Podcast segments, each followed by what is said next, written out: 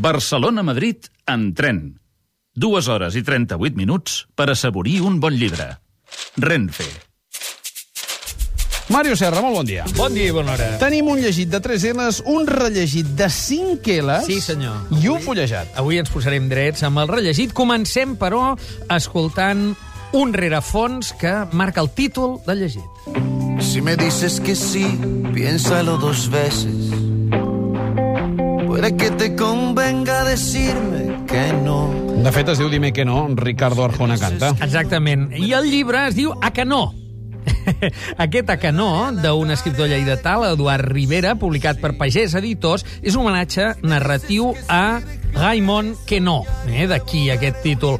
Raimon Queneau, entre moltes altres obres, és l'autor dels exercicis d'estil en el qual explica la mateixa història de moltes maneres diferents. Aquí l'Eduard Rivera mm, supera aquest repte eh, que s'imposa de dir a que no i fa 99 exercicis d'estil que parteixen d'una petita anècdota que, plaça, que passa en una plaça pública. De manera que hi ha eh, estil telèfon mòbil, estil acordió, estil bola de neu, una tanca amb vers, amb música, matemàtic, mil eh, exercicis d'aquest estil.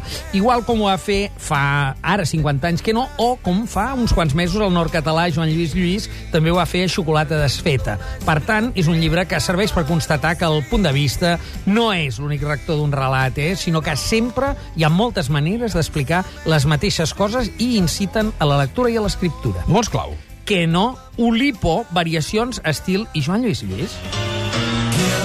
Guilty, de Joe Cooker en viu, un Sí. culpable Sí, que es diu senyor. Philip Roth. Sí, senyor. Nemes, i ara ens posem drets perquè Philip Roth eh, publica en aquesta novel·la Nèmesi, a la magrana en traducció de l'anglès al català per Xavier Pàmies i en castellà Nèmesis a Mondadori, en traducció del Jordi Fible, una grandíssima novel·la en el qual la gran paraula és la culpa. Està situada als Estats Units, estiu de 1944, per tant, Segona Guerra Mundial. New Jersey. I mm, tenim New Jersey, tenim Bucky Cantor, que és un jove monitor d'educació física, és al barri jueu, ell també és jueu, no ha pogut anar a la guerra per un problema, diguem, eh, de- a la vista, i això el fa sentir molt culpable. Però aleshores comença la terrible epidèmia de pòlio.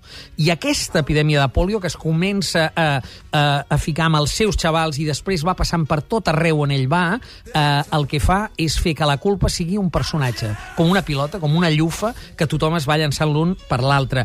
És una gran novel·la, és probablement dels últims mesos la millor novel·la que he llegit, molt recomanable, Nèmesi, d'aquest grandíssim autor, Philip Roth. Mots clau, Culpa, polio, malaltia, desconfiança i, per posar un referent, ja veus tu, que no ens moquem amb mitja màniga, Faulkner. carai.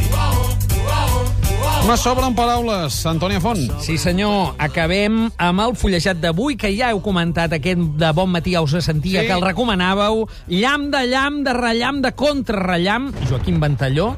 Uh, textos no només d'ell, sinó... Uh, bé, això és una llista de tots els insults del capità Haddock, els tintinaires sabran de què uh, es tracta, amb textos també de l'Eulàlia Ventalló, la seva filla, García Arbós, Pau Vinyes i l'August Rafanell, que ho situa lingüísticament.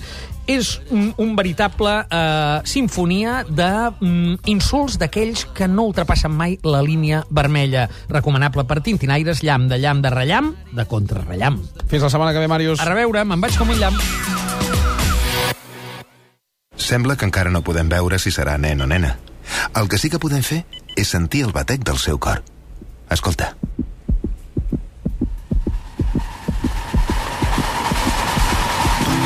El tren torna a ser el centre de les nostres vides perquè és el mitjà de transport que més cuida el futur dels nostres fills. El tren respecta la naturalesa i el seu pas genera progrés a les ciutats on s'atura. Més informació a renfe.com. Acortamos distancias, acercamos personas. Ministerio de Fomento, Gobierno de España.